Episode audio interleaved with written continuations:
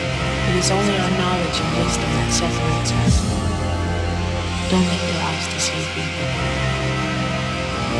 deceive you.